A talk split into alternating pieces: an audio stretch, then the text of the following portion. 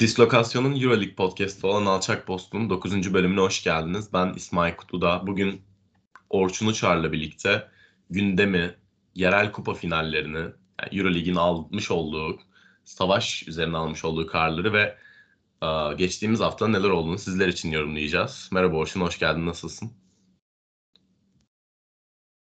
Hoş buldum İsmail. İyiyim sağ ol. Sen nasılsın? Ben de iyiyim. Çok teşekkür ederim.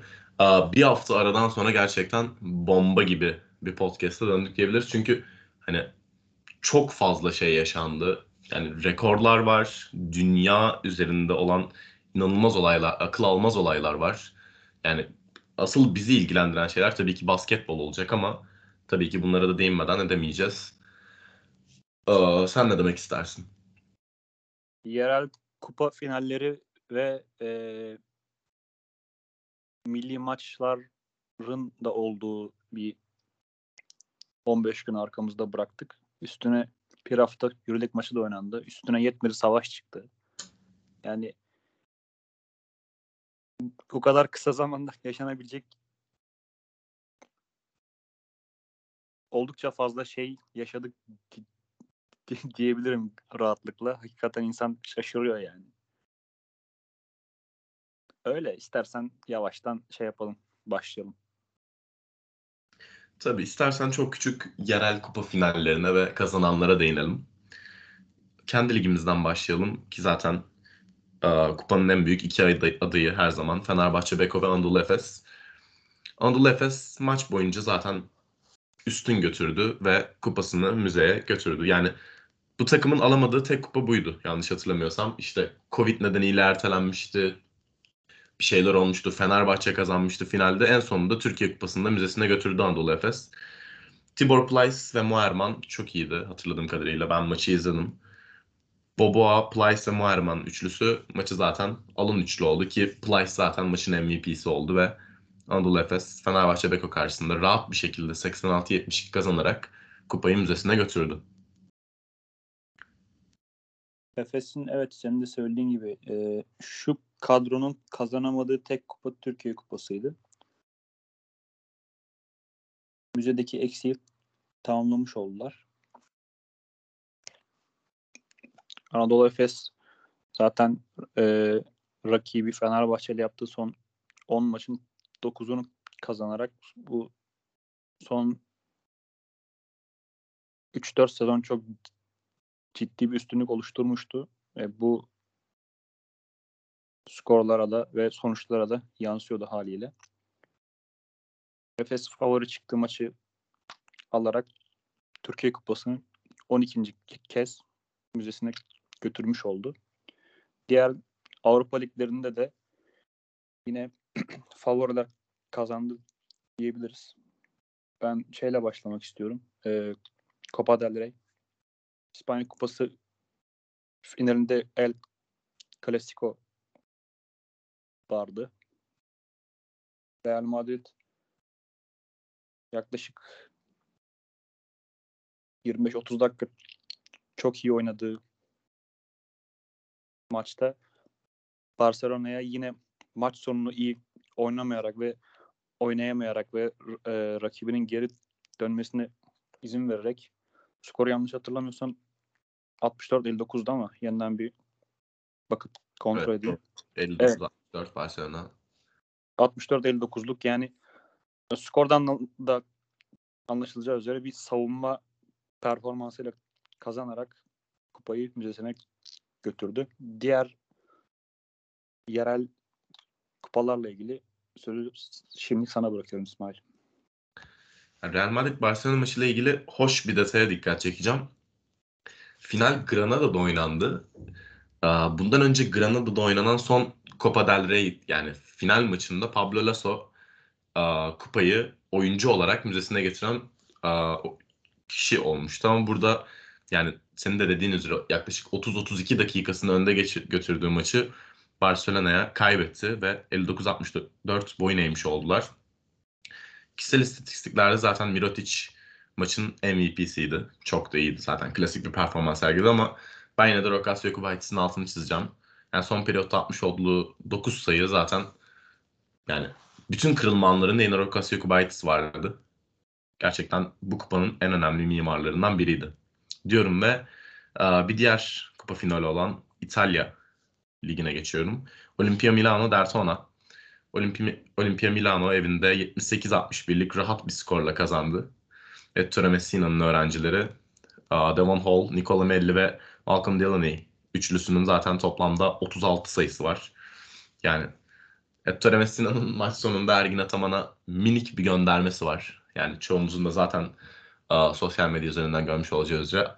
We won the cup Ergin gibisinden bir şey söylemiş yanlış hatırlamıyorsam. Evet hatta e, selfie şeklinde çekilmiş bir görüntü. Messina muhtemelen kendisi çekti o videoyu. Hoş basketbol şu tarz ayrıntılarla daha şık, daha hoş oluyor, güzel oluyor. Ben e, rakip Dertona'ya değinmek istiyorum. Lige yanlış bilmiyorsam bu sezon yükseldiler ve kupa finaline kadar yürüdüler. Onlar adına çok büyük bir başarı. Önümüzdeki yılda yüksek ihtimalle Avrupa kupalarında mücadele edecekler. Bu tarz yeni ekipleri Avrupa sahnesinde izlemek her zaman heyecan verici olmuştur. Bir diğer yerel kupa olan Almanya Kupası finalinde Kreilsheim'la e, Alba Berlin karşı karşıya geldi. Kreilsheim çok iyi savaştığı bir maç çıkarmasına rağmen Alba Berlin tecrübesi ve kalitesiyle kupaya uzandı. Sen bununla ilgili ya da diğer yerel kupa finalleriyle ilgili ne söylemek istersin İsmail? Ya açıkçası Almanya finali hakkında çok fazla söyleyeceğim bir şey yok. Çünkü Alba Berlin maçını izleme fırsatı bulamadım. Ama diğer bir final olan yani Euroleague tarihinin en büyük rekabetlerinden biri olan bir diğer maç. Avrupa sahnesinin en büyük rekabetlerinden biri olan bir diğer maç. Panathinaikos Olympiakos. Yine çok büyük bir maç. Panathinaikos gerçekten çok iyi savaştı maç genelinde. Zaten maçın yine büyük bir kısmını önde götürdü Panathinaikos ama maç sonunu iyi oynayarak son periyodu 23-6 önde bitirerek kazanan ekip Olympiakos oldu ve kupayı bir kez daha müzesine götürdü. Bunun dışında yani, değinmemiz gereken bakıyorum bir final var mı diye. Yani e, şu saydığımız finallerde hep favoriler kazandı zaten. Çok çok çok sürprizli bir yerel kupa haftası yaşanmadı. De son olarak şeyden e, söz etmek istiyorum. Kızıl Yıldız Partizan finalinden. E, o finalde de beklendiği üzere Kızıl Yıldız Partizan'ı mağlup etti ve yerel kupanın sahibi oldu Sırbistan'da. Adriyatik'te. Deyip e, eğer sen de bu finalde ilgili söyleyecek bir şey yoksa artık Euroleague maçlarına yavaştan geçelim. Tabii ki. haftanın ilk maçı olan, açılış maçı olan temsilcimizin Anadolu Efes'in Maccabi Tel Aviv karşısındaki aldığı galibiyetle başlayalım istersen. Tabii ki. Temsilcimiz Sinan Erdem çok playoff yürüyüşü açısından çok önemli bir maça çıktı. Ve e, yıldız oyuncuların kendi seviyesinde oynama sayesinde çok rahat bir galibiyet aldı. Bunun yanı sıra Anadolu Efes e, bir Euroleague rekoruna imza attı. Bir maçta takımca en çok kaydedilen üçlük isabet sayısı rekoru kırıldı. 22 üçlük ve bunu sadece 34 şut denerek yaptılar. %65 gibi olağan dışı bir üçlük yüzdesiyle. Maçı da zaten 109-77 ile kazanarak e, yani zaten yaklaşık ikinci çeyreğin ortasından itibaren Maccabi ile muhatap bile olmadılar. Efes tamamen kendiyle kendini rakip bilip kendini yenmeye uğraştı diyeyim. Hep daha yukarı, daha iyisine şeklinde. Bundan önceki Euroleague üçlük rekoru Euroleague'de bir sezon mücadele eden Karadağ temsilcisi Uduç Nost'a aitti. Onlar da 21 üçlükle bu rekoru kırmışlardı. Bireysel istatistiklerde haftanın MVP'si de olan Vasilya Misic çok dikkat çekiyor. 20 sayı 10 asist ve 0 top kaybıyla kusursuza yakın bir maç çıkardı. Ee, rakipte ise Wilbekin ve Sezic ayakta kalmaya çalışan isimlerdi. Her ikisinin de 17'şer sayısı vardı fakat Efes'in olağanüstü şut performansı sadece 3 sayılıkta da değil. Yani %67 ile de 2 sayılık isabet kaydettiler ve maçı %66 saha içi isabetiyle tamamladılar. Benim bu şahane seyir zevki yüksek maçla ilgili söyleyeceklerim bu kadar. Yani temsilcimiz Anadolu Efes bu maç yani bütün potansiyelini bize göstermiş oldu yeniden. Uzun süredir hani beklediğimiz performansın çok altındalar. Özellikle bu sezon genelinde ama yani Maccabi karşısında vermiş oldukları bu mesaj gerçekten çok etkileyiciydi ki Maccabi son 5 maçının 4'ünü kazanarak geldi buraya ve geçtiğimiz haftada yani bundan 2 hafta önce CSK karşısında etkileyici bir galibiyet almışlardı. Ki hatta yayında onların olası bir playoff ihtimalini konuşmuştuk ama sonrasında hani fikstürlerin çok zor olduğu üzerine değinmiştik. Ki yani fikstürlerinin ilk maçı ilk ayağı alan Anadolu Efes deplasmanında yani hezimet ile bitti. MVP geçtiğimiz sezonun MVP'si Vasilya Mitsic 20 sayı 10 asistle mücadele etti ve yani galibiyete çok büyük pay oynadı. Ama bunun dışında zaten skoru çok iyi paylaştık. Yani Moerman'ın 17 sayısı, Larkin'in 16, Bobo'nun 13 sayısı vesaire. Yani takımca çok iyi şut kullandık. Çok iyi şutlar bulduk ve Maccabi karşısında hiç de zorlanmadık. Ya bu arada ben şeye değinmek istiyorum hani bu sezon genelinde hatta yani geçtiğimiz sezonlarda Efes'in en büyük sorunlarından biri hani uzun sorunun yanı sıra yani forvetlerden bir türlü gelmeyen üçlüklerdi. Hani forvetten şut bulamıyorduk. İşte Singleton'dan, Moerman'dan sürekli bu konuda sıkıntı çekiyorduk ama hani Moerman'ın süre gelen form durumu gerçekten bu sıralar bizi mutlu ediyor. Çünkü aa, yerel kupa finalinde Fenerbahçe karşısında yanlış hatırlamıyorsam yani 13 sayı 16 reboundluk bir performansı var. Yani 14 sayı da olabilir tam emin değilim. Yani köşe üçlükleri yine epey cezalandırmıştı Fenerbahçe'yi. Bu maçta da Maccabi Tel Aviv karşısında 17 sayısı var Muerman'ın ve 5 üçlük buldu toplamda. Hani Muerman'ı böyle görmek bizi gerçekten mutlu ediyor ve yani umarım bu form durumu yani kümülatif bir şekilde ilerler ve yani Efes'in daha iyi yerlere gelmesinde rol sahibi olur. Adrian Muerman diyorum. Yani bu galibiyetle birlikte 13. galibiyetimize ulaşmış olduk ve 8. Unix kazanlı aramızda şu an bir galibiyet farkı yok. Sadece 9. sırada, e, düzeltiyorum. 10. sırada Fenerbahçe Beko var.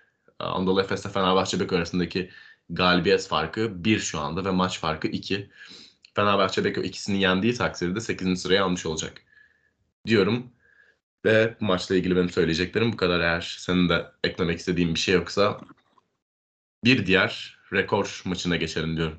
Şu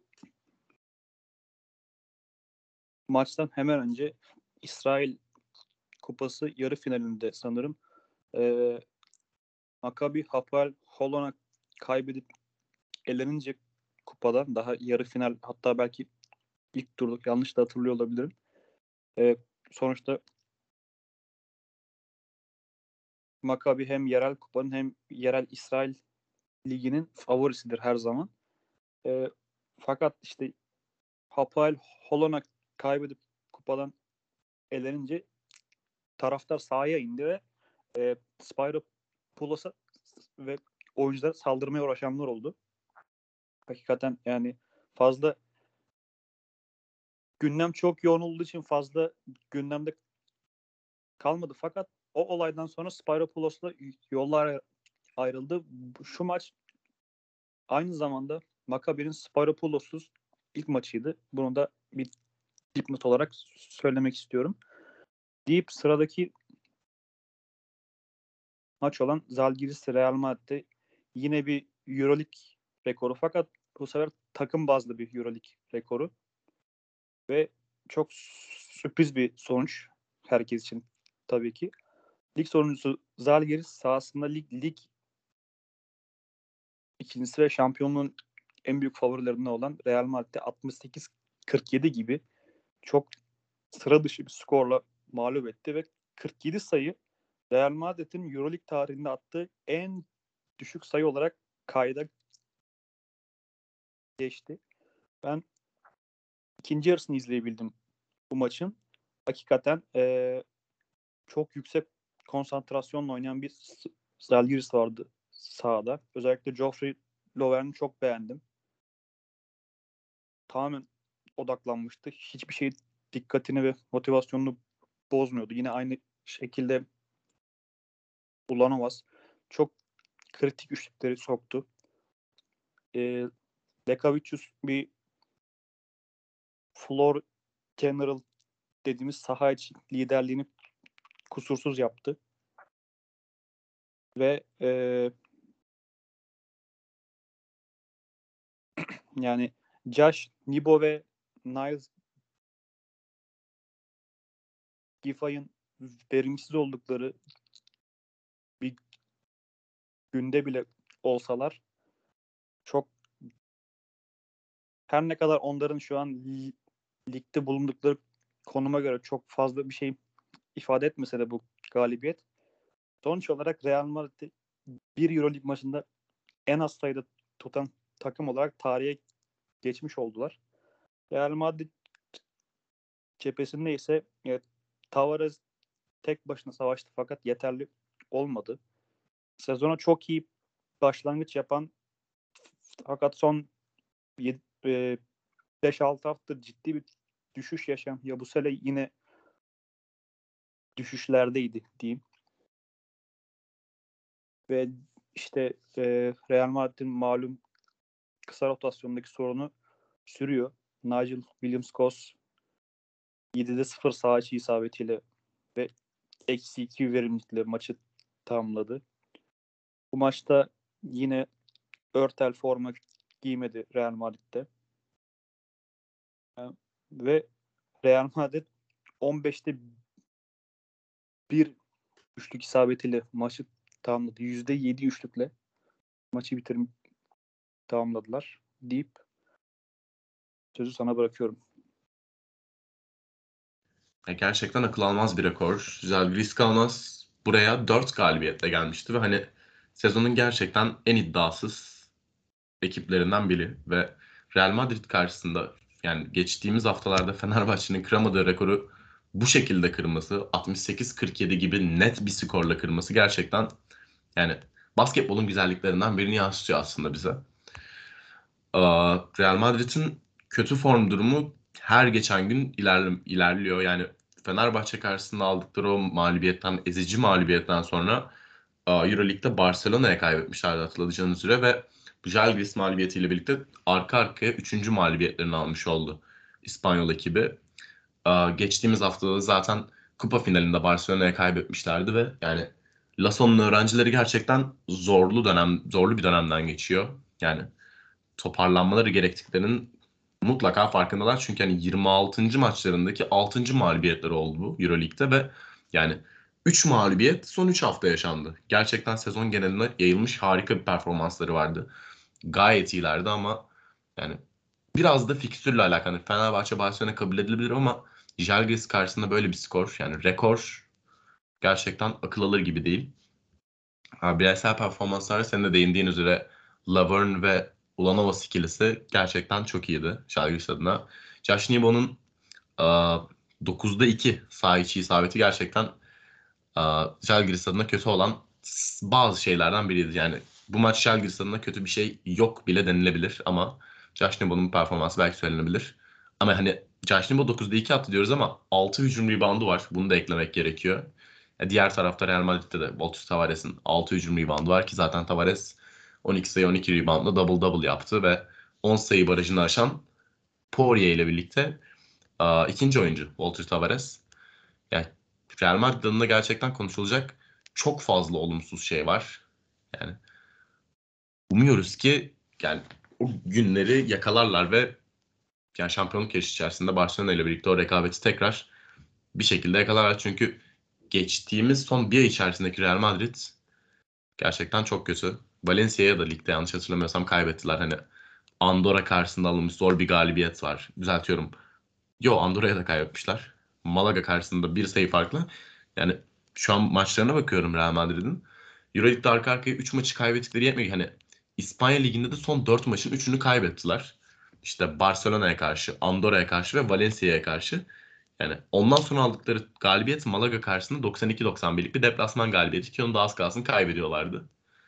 Real Madrid'in acilen silkelenmesi gerekiyor diye yorumladım ben burayı. Onun dışında zaten söyleyecek bir şeyim yok. Real Madrid'in fikstürüne bakacak olursak yani CSKA Moskova, Kızıl Yıldız, Milano, Asfel, Efes yani ortalama bir fikstür onları bekliyor diyebiliriz. Ne zor ne kolay ki zaten Real Madrid için bir fikstür yorumluyorsak bir fikstürün kolay ya da zor olduğunu karşıdaki ekibin a, düşünmesi gerekiyor. Real Madrid'in pek düşünmesi gereken bir şey değil bu. Bakalım göreceğiz. Eğer eklemek istediğim bir şey yoksa bir diğer maçta devam edebiliriz. Yok İsmail yani e, Real Madrid'in kısa rotasyondaki sorunu sürüyor. Şu yani şu maç üzerinde kadrodaki kısa oyuncuları saymamız gerekirse Nigel Williams-Goss, Juan Nunez, Alberto Abalde, e, Sergio Yuy. Yani hiçbiri şu an net böyle 20-25 dakika oynayacak bir guard değil maalesef. Bu maçta Örtel ve Kozör de yoktu üstüne. Rudy Fernandez de yoktu üstüne. Rudy Fernandez her ne kadar çok net bir top yönlendiricisi olmasa da işler sıkışınca oyun kurabilen bir isimdi. Fakat e, bu önemli eksiklerle ve Nigel Williams-Goss da çok kötü oynayınca mağlubiyet kaçınılmaz oldu diyebiliriz. Real Madrid'den ben şey bekliyorum açıkçası bir kısa transferi bekliyorum. Shane Larkin mi yoksa? Shane Larkin o söylentileri çok net bir şekilde yalanladı. Hatta o haberin kaynağı olan İspanyol haber sitesinin de Barcelona'ya yakınlığı herkesin malumu diye Twitter'da herkes yazıyordu. Tam da Copa del Rey finali öncesi ee, şey düzeltiyorum. Yo, hayır doğru ya. Evet evet doğru. Tam Copa del Rey finalinden yaklaşık 3-4 Copa gün önce zaten Rey- finali şey yayınlandı, bu haber yayınlandı. Finalinden önce bir şey e, infiale sebep olmak amaçlı yapılmış bir haberdi. Zaten şeyin Larkin de çok net bir şekilde yalanladı. Fakat yani bu Efes'in şeyin Larkin'in sözleşmesini yeni, yenilemesi gerektiği gerçeğini değiştirmiyor. Çünkü kendisinin sezon sonu sözleşmesi sona eriyor. Deyip sıradaki maç olan Olympiakos Milano yine e, çok yoğun savunmalı, çok çok iyi iki savunma takımına karşı karşıya getiren ve 90'lar ve e, 2010 öncesi Euroligi anımsatan çok sert savunmalı, çok sıkı bir maçtı. Bolca fiziksel temaslı, sert bir maç oldu. Ee, ilk çeyrek özellikle Olympiakos çok boş şut kaçırdı. Ben maçın ilk yarısını izleyebildim. Fakat ikinci çeyrekle beraber toparlanan bir Olympiakos vardı. Yine e, Lucas önderliğinde ve yanına aldığı Vezenkov'la beraber. Bu maç Tyler Dorsey ve Thomas Cup ikilisinden pek bir katkı alamasa da Mustafa Fal o iki ismin açığını kapatarak çok yardımcı olduk galibiyete ve yine şeyden gelen ve e, bench'ten gelen ve bu maçta takım adına en fazla sü- süre alan ikinci isim olan Shaq McKissick. Senin Olympiakos'taki en sevdiğin oyuncu. Bayılırım gerçekten Ee, Shaq McKissick'e. Özellikle son çeyrekteki sıkı Olympiakos savunması maçı Olympiakos'a getirdi diyebiliriz. 67-58'lik skorla kazandı Olympiakos. 15. galibiyetini aldı ve ilk 4 yürüyüş adına çok önemli bir maçı daha hanesine yazdırmış oldu deyip sözü sana bırakıyorum. Olympiakos'un aa, arka arkaya 4 mağlubiyet aldığı bir dönem vardı yaklaşık işte bundan 3-4 hafta önce ve bunu ne zaman kıracağını merakla bekliyorduk ki zaten bunları yayınlarımızda konuşmuştuk. Baskonya deplasmanında almış oldukları galibiyetle bu fitili alevlemiş oldular ve ardından Anadolu Efes karşısında Kostas Lukas'ın köşeden attığı son saniye basketiyle kazandılar. Yine çok zorlu bir maç gerçekten onlar için Milano karşısında. Milano'ya 67-58 mağlup etmeyi başardılar ve senin de dediğiniz üzere galibiyet sayılarını 15'e çıkardılar ve Milano ile aralarındaki galibiyet farkı şu anda sadece 2 maç. Yani maça iyi başlayan ve iyi götüren ekip kesinlikle Ettore Messina'nın öğrencileriydi. Olimpia Milano maçı çok daha iyi başladı, çok daha iyi girdi ama Olympiakos yani harika bir son çeyrek performansıyla zaten maçı e, hanesine almayı başardı. Son periyot skoru 28-15. E, savunmanın yani savunmaların çok üst düzey olduğu bir maçtı ki zaten bunu skordan da istatistiklerden de rahatlıkla görebiliyoruz. Olympiakos'un 4, Milano'nun ise 3 üçlüğü var maç boyunca. Kişisel performanslarda Olympiakos cephesinde takımın yıldızları Sasha Vezenko ve Kostas Lukas toplamda 32 sayı üretti 16'şer olmak üzere. Bunun dışındaki belirleyici unsurlar yani X faktörler kesinlikle Mustafa Fall ve Shaq McKissick'ti. 10 sayının barajını aşan diğer oyuncular. Mustafa Fall'un 12 sayı 7 reboundu var. %80 gibi bir saha içi isabetiyle 6'da 5 ile oynadı Mustafa Fall. Bunun dışında benim Olympiakos'ta hatta Euroleague'de diyelim en beğendiğim oyunculardan biri olan Shaq McKissick yani 29 dakika süre aldı ve 14 sayı 3 de asist bıraktı. Milano cephesinde ise Devon Hall 15 sayıyla yıldızlaşırken Nicola Melli 9 sayı 11 reboundla maçı tamamladı ve yani bu performanslar Milano ekibi için galibiyete yeterli olmadı. Yani çok yani garip olan bir diğer unsura istatistiğe dikkat çekmek istiyorum. Olympiakos 67 sayısının 27'sini serbest atış çizgisinden buldu. Yani 36 kez çizgiye geldi Yunan ekibi ve 36'da 27 gibi yani gerçekten korkunç bir yani çok yüksek bir yüzde değil belki ki yüksek bir yüzde hani yüzde 75 gayet yüksek bir yüzde ama 27 sayı bulmaları serbest atış çizgisinden gerçekten en belirleyici faktörlerden biriydi. Yani diğer tarafta Milano'nun sadece 9 sayısı var serbest atıştan. İki zaten bu da farkı belirliyor, farkı açıyor.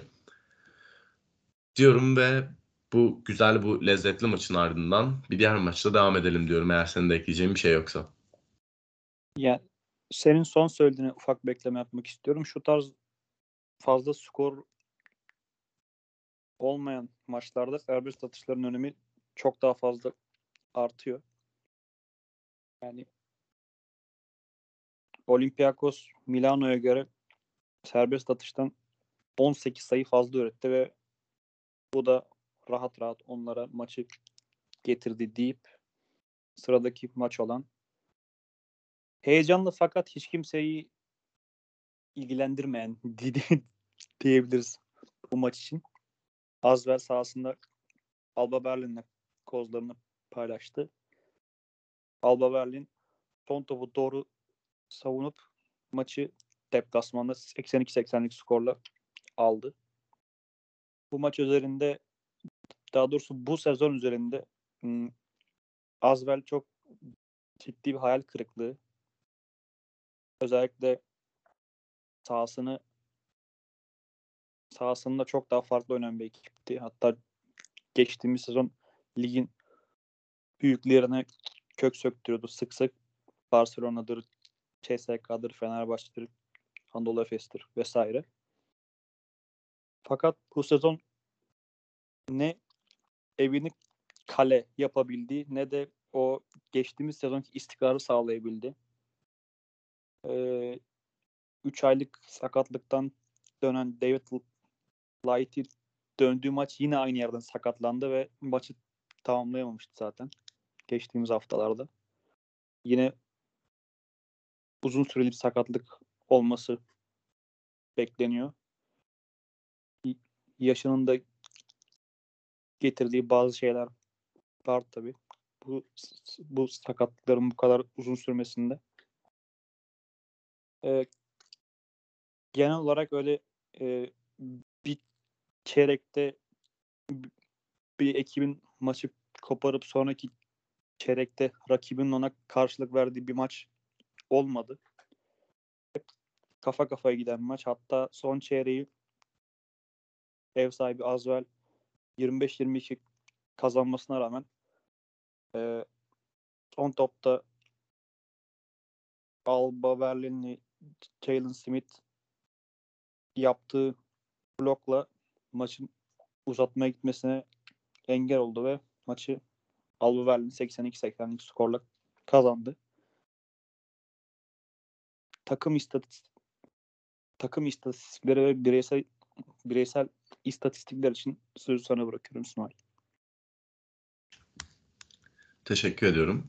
Asvel'in sezon genelinde zaten yani şut atamadığını, şut sokamadığını defalarca konuşmuştuk. Kendi standartlarının üzerinde bir maç oynadı aslında Asvel yani toplamda 7 tane 3 sayılık isabeti var Alba Berlin karşısında ama bu yeterli olmadı Alba Berlin'in 12 üçlüğüne karşı. Fransız ekipte ekibin yıldızlarından biri her zaman zaten alışkın olduğumuz istatistik kağıtlarından Chris Jones 22 sayı 5 asistle maçı tamamladı. Bunun yarısına yanı sıra Paul Lacombe 12 sayı 2 rebound 4 asist ile maçı tamamladı. Marcus Knight da 11 sayı 6 reboundla bitirdi maçı. Fakat bu Al Berlin karşısında kaybetmelerinin önüne geçemedi. Almanya Ligi'nde kupayı kaldırdıktan sonra Euroleague'de de Asvel karşısında galibiyeti alan Alman ekibi Alba Berlin cephesinde ise Jalen Smith 16 sayı 5 reboundla dikkat çeken oyunculardan biri ki zaten maçın kuşkusuz en değerli oyuncularından biri gerek istatistiğiyle gerek maç sonunda maçı kazandıran bloğu ile birlikte. Bunun yanı sıra Johannes Thiemann 10 sayı 4 rebound 4 asist. Maudolo 12 sayı 5 asistle maçı tamamladı. Son olarak Jonas Matisek 13 sayı 4 reboundla maçı tamamladı ve Alba Berlin tarafında galibiyetinden önemli faktörlerini oluşturan oyunculardan oyunculardan oldular. Yani bu maç özelinde benim ekleyeceğim çok da fazla bir şey yok. Zaten senin de söylediğin üzere maçın çok da bir önemi yoktu. Hani iki, ekibinde hiçbir iddiası yok. Asvel zaten senin dediğin gibi geçtiğimiz sezon çok daha farklı bir ekipti. Çok daha farklı profilde bir ekipti. Savunmasıyla, evinde kolay kolay kaybetmesiyle kaybetmemesiyle bilinen bir ekipti ama bu sezon hani onlar hiçbir heyecan vermiyor ki zaten Alba Berlin geçtiğimiz son 3-5 senedir bir heyecan vermiyor. Yani öyle standart bir maçtı. Yani bu maç hakkında ekleyeceğim bir şey olduğunu düşünmüyorum ben. Var mı diye sorayım yine de. Yok yani söylediğim gibi hiç kimse ilgilendirmeyen bir maçta şu iki ekip hariç. yani her iki ekibin de bir playoff iddiası yok sonuç olarak. Deyip sıradaki maça temsilcimizin e, Monaco deplasmanında aldığı sürpriz sayılabilecek fakat bir o kadar da sürpriz olmayan aslında mağlubiyeti geçmek istiyorum. Temsilcimiz Fenerbahçe bu hafta deplasmanda Monaco'ya konuk oldu. Monaco'nun özellikle ikinci çeyreğin başından itibaren yaptığı sert savunma ve yüzdeli hücum performansı zaten ikinci çeyreğin skorundan da anlaşılıyor. İkinci çeyreği ev sahibi ekip 36 13'lük skorla kazandı. E, zaman zaman maç içinde farkın 23'lere 25'lere kadar yükseldiği karşılaşmada ev sahibi ikinci yarıda da rakibinin kendisine çok yaklaşmasına izin vermeyerek maçı 92-78 ile kazandı. Yetmedi üstüne kila verici de aldı. Özellikle bu Monaco'nun yükselen performansı yeni koç Sasha Obradovic ile beraber takım olarak da yükseldiler. Mike James de çok büyük oynamaya başladı. Hem bireysel istatistiklerde hem takım oyuncusu olarak çok daha farklı bir Mike James izliyoruz artık. Yaşı da 30'un üstüne çıktığı için e, kişilik olarak da oturuyor herhalde artık. Bir ağırlık, ağır abilik gelmeye başladı Mike James'e. Temsilcimiz açısından e, Danilo Bartel ve De Colo'nun döndüğü bir karşılaşmaydı. E, Djordjevic, Veseli, De Colo, Şayok, e, ara sıra Henry ve Bartel'in olmadığı zamanlarda çok iyi bir çok iyi bir sistem oluşturup çok güzel bir takım oyunu sahaya yansıtıp istediği sonuçları aldı. Ee, yani bu yıldız oyuncularının özellikle De Colo ve Veseli'nin olmadığı maç aralığını olabilecek en az hasarla atlattı diyebiliriz. Fakat tabii bu e, sakatların dönüşüyle böyle bir sorun olacağı aslında herkesin biraz malumuydu. Çünkü hali hazırda işleyen bir sistem var ve siz bu sistemden işleyen birkaç çarkı çıkarıp onların yerine yıldız oyuncuları sokmaya uğraşıyorsunuz ve yani bu geçiş süreci sancılı olacaktı zaten. Bu maçta ilk ve büyük sancılardan bir tanesi oldu. Bu maçta De ve Bartel geri dönüş yaptı. De Colo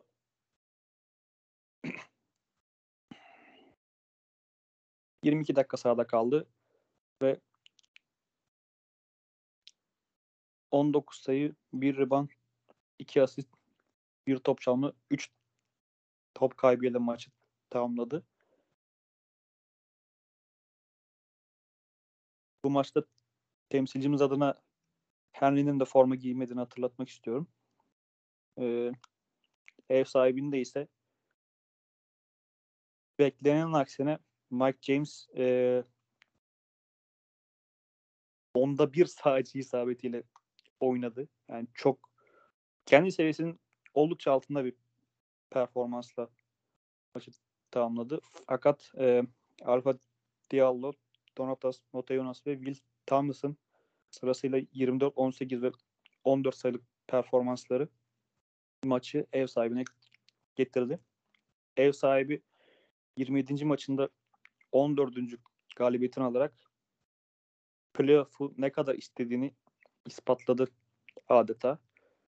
Temsilcimizin kendisine göre 4 maç eksiği olmasına rağmen aralarındaki galibiyet farkı sadece 2 fakat ikili averaj maalesef Monaco'da olası bir aynı galibiyet sayısı senaryosunda Monaco temsilcimizin üstünde olacaktır deyip sözü sana bırakıyorum.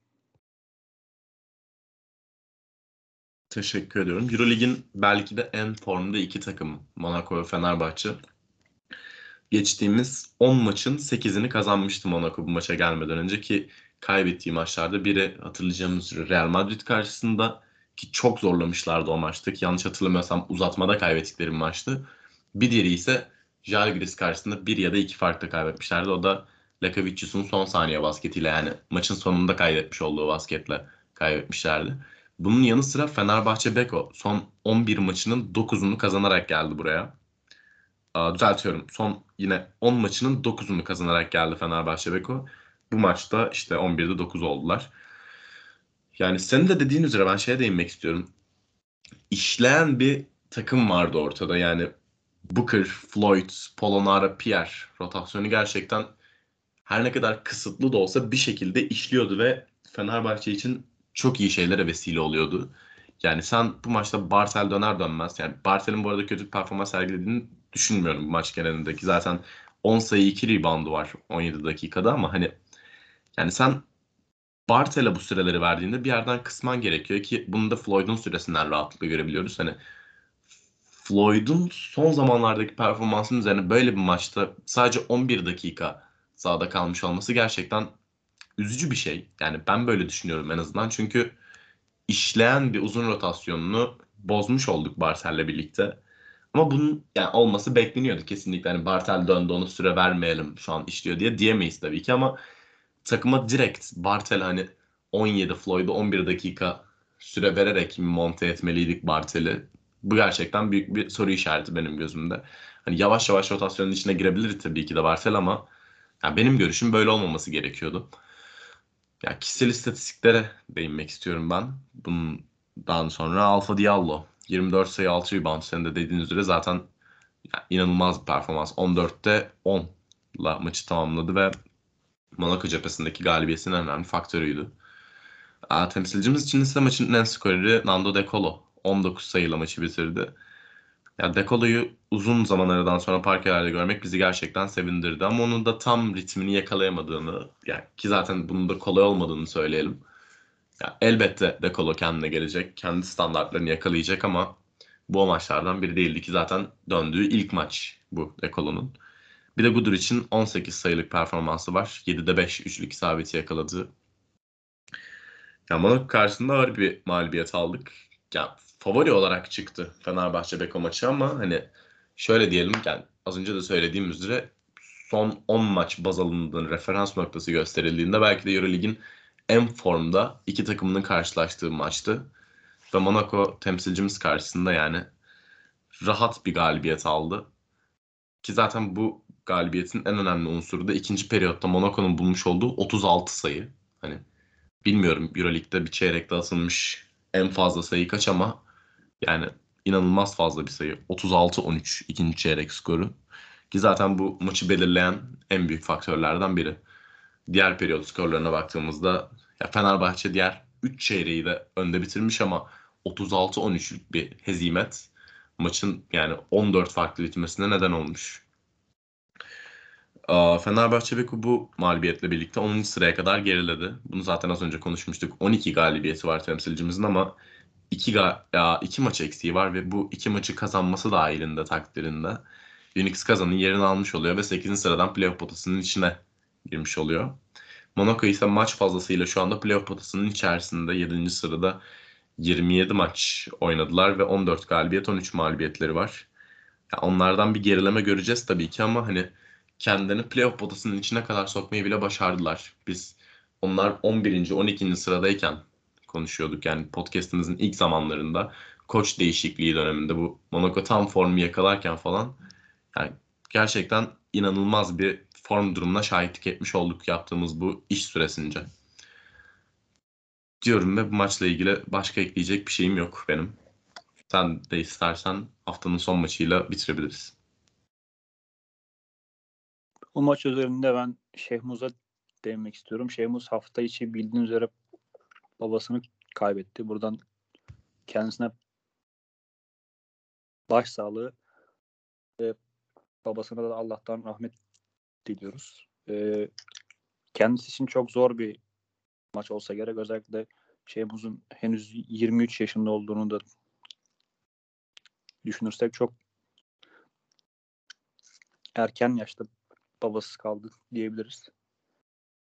Yeniden Allah rahmet eylesin diyoruz ve sıradaki maç olan haftanın son maçında Panathinaikos'la Kızıl, Kızıl Yıldız Orko'da kozlarını paylaştı. hmm. Haça iyi başlayan bir Kızıl Kızıl Yıldız vardı. İlk çeyreğde zaten 23 oyunluk skorla kazandılar fakat ikinci çeyrekten itibaren daha baskın bir Panathinaikos sahadaydı. Zaten son çeyrekteki 20-14 20-14'lük skorla da maçı 79-73 kazanarak bu sezonki 7. galibiyetlerini aldılar. Kızıl Yıldız açısından sürpriz bir mağlubiyet oldu diyebiliriz. Çünkü e, bu sezon üzerinde kendi dişlerine göre olan herkese böyle yerli yersiz maçları kaybettiler. Fakat kendilerinden çok daha yukarı sıralarda olan takımlara kök, sör, kök söktürdüler ve birçoğundan da maç aldılar.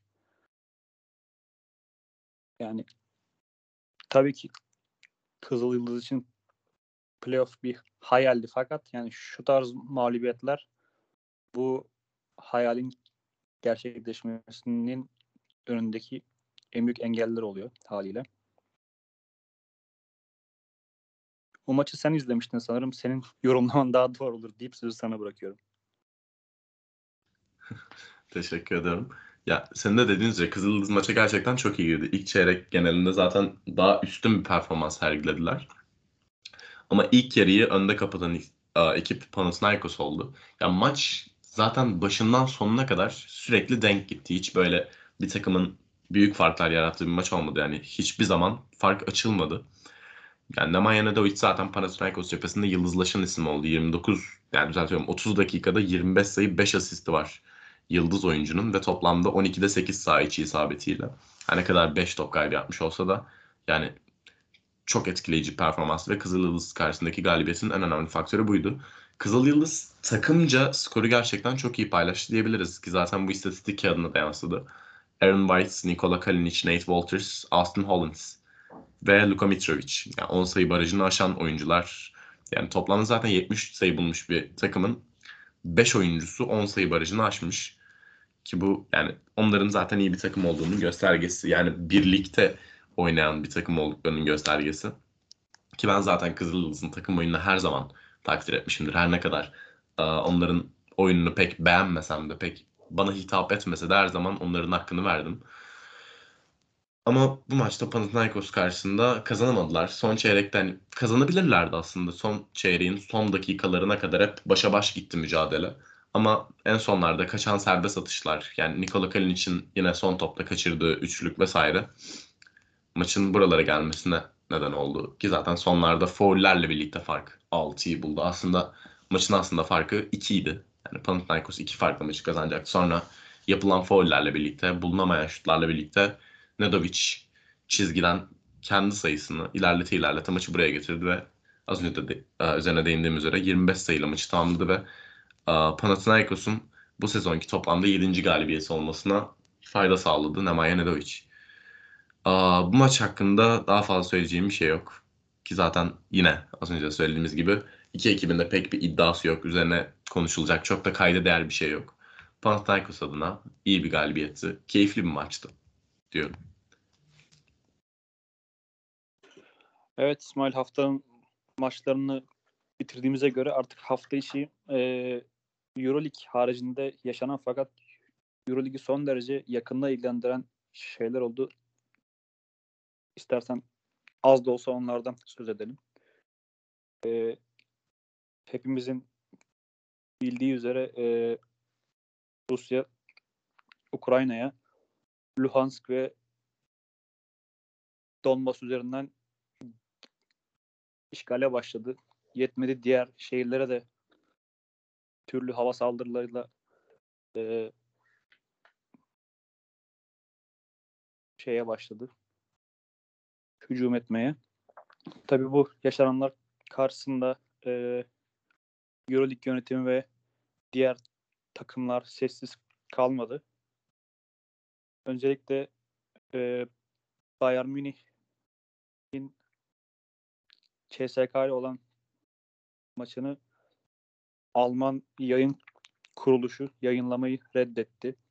Ardından Zalgiris çok net bir tavır sergileyerek bundan sonra Rusya'da oynayacakları maçlara katılmayacaklarını açıkladı. Ardından e, Euroleague yönetimi acil bir şekilde toplanarak Rus ekiplerinin kendi sahalarında oynayacakları maçları tarafsız sahada oynayacağını açıkladı. Bu elbette şu an tüm takımları Kazan, Zenit ve CSK'yı playoff potasına sokmuş olan Rusya'yı yakınla ilgilendiriyor. Yani CSK hariç diğer iki ekibin Kazan ve Zenit'in playoff'taki yeri CSK'ya göre daha sağlam değil açıkçası. Çünkü aşağıda Kazan daha güçlü kaynıyor diyebiliriz. Ee, playoff'un 5, 6, 7 ve 8. sıralar için çok büyük bir mücadele var. Çok büyük bir savaş var.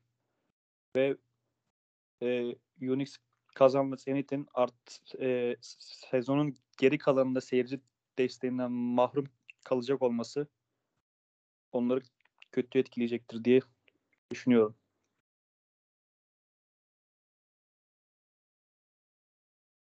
Yani tabii ki kötü etkileyecek çünkü yani ev sahibi avantajından mahrum kalarak çıkacaklar bu maçlara. Ama yani yapacak bir şey yok ortada. Böyle bir gerçek var. Uh, Shabazz Napier, Tornike Şengelya ve Grigonis'in bir uh, durumu vardı sanırım. Takımı ayrı, takımdan ayrılmak üzere. Onu tam emin değilim. Notlarımıza yazmıştık ama tam hatırlamıyorum, idrak edemiyorum. İstersen sen deyin onu. Tabii. E, senin açısından çok büyük bir hayal kırıklığı. Şöyle ki Şabaz Napier yaklaşık 6-7 aydır sakatlıktan dönmesini bekliyorlardı. Şabaz Napier sakatlıktan döndü dönecekken ya hatta sanırım birkaç VTB liginde de süre aldı. Fakat henüz Euroleague'de süre almamıştı diye hatırlıyorum. Yani tam Euroleague için Şabaz Napier'ı beklerken Şabaz Napier bu savaşı gerekçe gösterip ki kendince haklı bir sebep saygı saygı duyuyoruz buradan kendisine. Rusya'dan ayrılmak karar aldığını açıkladı. Şengeli açısından e, öncelikle sanıyorum menajeri de bir tweet attı. İşte şey Şengelya savaş sebebiyle Rusya'dan ayrılmak istiyor. Fakat bunu sonra Şengelya kendisi yalanladı. Ailemin yanında olmak istiyorum deyip İspanya'ya gitti. Bilindiği üzere Şengelya Moskova'dan önce Baskonya'da forma giyiyordu ve sanırım Alice hala orada. İspanya'da. Son olarak Marius Grigonis Litvanyalı oyuncu e, çok net bir karar alarak yani kendisi aynı zamanda eski bir Zalgirisli ve takım düzeyinde bu, bu, Rusya-Ukrayna savaşına daha doğrusu Rusya'nın Ukrayna'yı haksız işgaline net tavır alan tek takım ilk takım daha doğrusu Zalgiris'ti. Kendisi de eski bir Zalgirisli olarak CSK Moskova'dan ayrılmak istediğini açıkladı. Yani burada Ulu Önder Mustafa Kemal Atatürk'ün şu sözüne değinmeden edemeyeceğim. Gerekli olmayan her savaş cinayettir deyip sözü sana bırakıyorum İsmail. Savaşa hayır diyoruz ve bir diğer konumuza devam edelim notlarımızdan. Biz bu podcast'i çekmeden yaklaşık 2-3 saat önce bir haber yayınlandı ve yani habere göre Bahçeşehir Koleji Tarık Black'la sözleşme imzaladı. Yani gördüğümde gerçekten ne hissedeceğimi, ne diyeceğimi bilemedim. Hani sezonun başından beri Anadolu Efes adına bir uzun gerekli olduğunu, hani bir uzun rotasyona bir hamle gerektiğini yani biz değil artık sokakta geçen yani basketbol izleyen herhangi bir çocuk bile biliyor. Bunun farkında. Ki biz yakından takip edenler olarak sezonun başından beri hani yani Anadolu Efes için ismi anılan birinci sırada alınan en büyük oyunculardan biriydi Tarık Black. Jock Landale'la birlikte San Antonio Spurs yolunu tutan. Yani en son olarak G League'de yani Grand Rapids Gold forması giyiyordu Tarık Black ve bir anda Bahçeşehir Koleji ile sözleşme imzalaması gerçekten beni çok şaşırttı. Hani şu an Anadolu Efes'e böyle bir eklenti yapılması durumunda yine, yani yeniden playoff potasının içinde bulunduğu takdirde şampiyonluğun büyük adaylarından biri olabilirdi temsilcimiz ama yani Tarık Black peşinde yani onu kovalamaktansa hamle yapmamayı tercih etti temsilcimiz ve yani bir başka temsilcimiz Şampiyonlar Ligi'ndeki bir diğer temsilcimiz Bahçeşehir Tarık Black'i takımına kattı. Ne düşünüyorsun bu konu hakkında? Yani sürpriz ben birkaç dakika şeyi yeniledim sayfayı yeniledim yanlış mı gördüm yanlış mı okudum diye falan ama haber doğru Tarık Black Bahçeşehir'de. Bahçeşehir yönetimi Euro Challenge kupasını fazlasıyla istiyor. Yaptığı Sam Decker hamlesiyle de bunu hepimize ispatlamıştı. Ardından sezon içinde Ben Bentil'i Eurolig'e Olimpia Milano'ya yolladıktan sonra onun yerini yine bir Euroleague seviyesinde oyuncuyla doldurarak bu kupayı ne kadar çok istediğini herkese ispatladı diyebiliriz. Anadolu Efes'le sezon boyu ismi çok fazla anılmıştı. Fakat Efes bu transfer hamlesiyle ilgili hiçbir zaman çok net, çok olumlu bir aksiyon almadı. Kendisine Bahçeşehir forması altında başarılar diliyoruz elbette ve Bahçeşehir'e de Euro Challenge kupası yolunda yani sonu kupayla biten bir e, şey yolculuk bir mazeret diliyorum. Deyip şeye geçelim istersen haftanın ödüllerine. Tabii haftanın ödülleriyle devam edelim. Haftanın MVP'si istersen onunla başlayalım. Ya benim oyun burada temsilcimizin oyuncusuna gidecek. Vasilya Mitsic 20 sayı 10 asist. Yani bunu bir de hiç top kaymada kaybetmeden yaptı. Maccabi Tel Aviv karşısında ve toplamda 9'da 7 saha içi isabetiyle gerçekten çok iyi bir performans imza attı. Benim burada oyum Vasilya Mitsic'e. Benim haftanın MVP oyununda son Euroleague MVP'si olan Vasilya Mitsic'e 20 sayı 10 asist 0 top kaybı neredeyse kusursuz bir performans. Elbette bundan çok daha büyük oyunlar çok daha büyük verimlilik puanları yapmıştı zamanda. Fakat şu kadar kılçıksız bir performans amiyane tabirle hakikaten yani 20 sayı 10 asist 0 top kaybı tertemiz bir maç çıkardı. Tebrik ediyoruz. Bu formunu sene sonuna kadar sürdürmesini istiyoruz kendisinden. Haftanın takımıyla devam edelim eğer sen de istersen. Yani burada iki takım var göze çarpan. Biri Žalgiris Kaunas, biri Olympiakos ama hani haftanın sürpriz ödülü de verdiğimiz için burada haftanın takımında benim oyum Olympiakos'a gidecek. Olimpia Milano karşısında gerçekten çok zorlu bir maçta galip gelmeyi başardılar ve e, galibiyet sayılarını 15'e çıkararak aralarındaki galibiyet farkını 2'ye indirdiler. Çok zor ve kritik bir galibiyet Bartokas'ın öğrencileri için.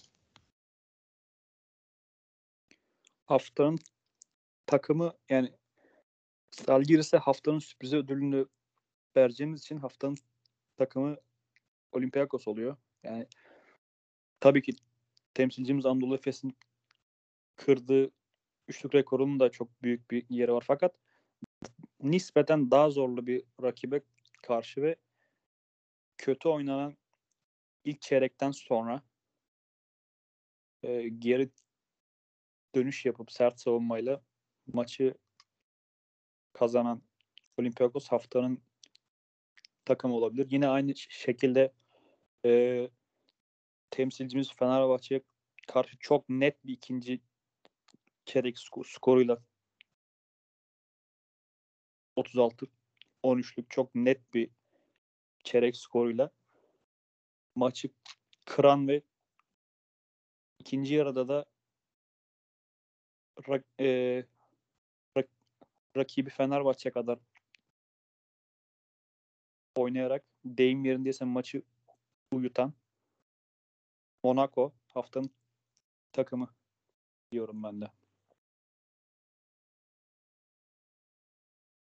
Haftanın sürprizini zaten laf üzeri geçirmiştik ki zaten bunu tartışmaya gerek bile yok. Yani kırılması çok güç rekorlardan biri olan Real Madrid'i en az sayıda tutma rekorunu kırdılar ve sezonun belki de hani belki de değil istatistiksel bağlamda da sezonun en başarısız ekibi. 5 galibiyet, 19 mağlubiyetle birlikte Jalgiris Kaunas.